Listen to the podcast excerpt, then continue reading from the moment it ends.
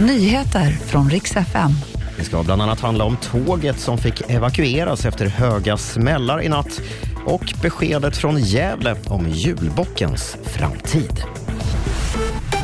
God morgon. Ja, vi ska börja med det SJ-tåg som fick evakueras utanför Södertälje i natt. Höga smällar hördes under färden och en man berättar för Expressen att han såg gnistor utanför tåget. I två timmar stod det stilla innan det kunde tömmas på resenärer och nu förklarar SJ det hela med att tåget fått en hjulskada under färden. Idag kan trafiken på sträckan Stockholm-Göteborg komma att påverkas av den här händelsen.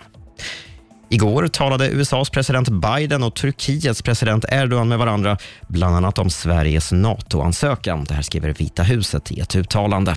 Några direkta detaljer från samtalet framkommer inte, bara att en försäljning av amerikanska F16-plan till Turkiet togs upp igen.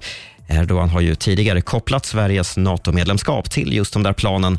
Biden stödjer försäljningen, men kongressen har ännu inte gett grönt ljus. Och till sist igår kom glädjebeskedet till alla bockfans. Julbocken i Gävle får stå kvar säsongen ut.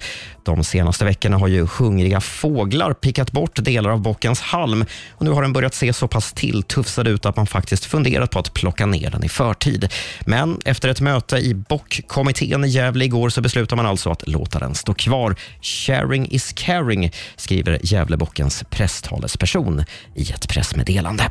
Och det var de senaste nyheterna. Jag heter Robin Kalmegård.